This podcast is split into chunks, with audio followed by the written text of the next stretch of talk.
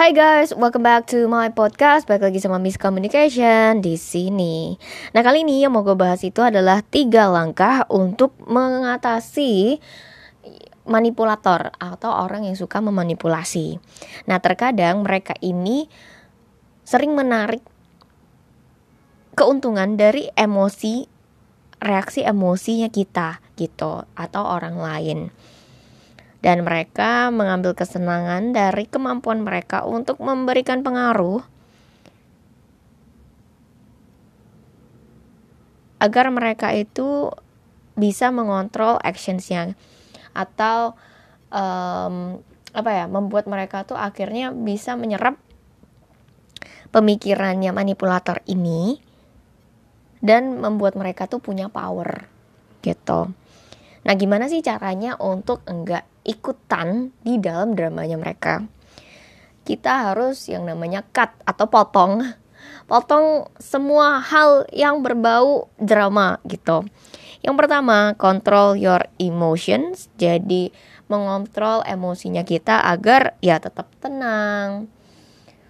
Terus juga composure itu tidak mengikuti apa yang namanya ya mungkin reaksi berlebihan dan jangan membuat emosinya kita tuh tertrigger gitu.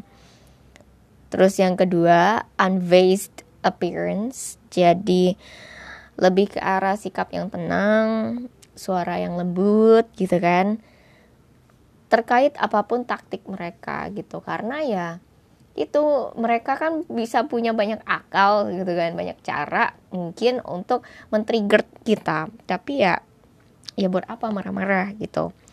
Terus yang ketiga turn off engagement.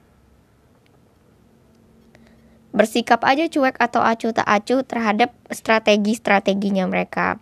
Hal ini yang membuat kita itu bisa apa attention centered. Berpusat pada tindakan dan pemikirannya kita.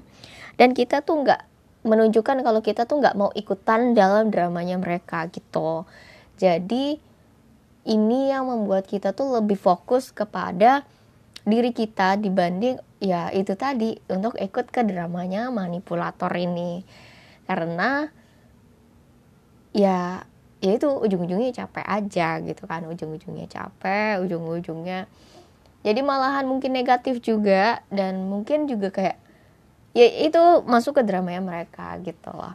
So yep I think this is all for today. Thank you so much for listening and I hope you have a great day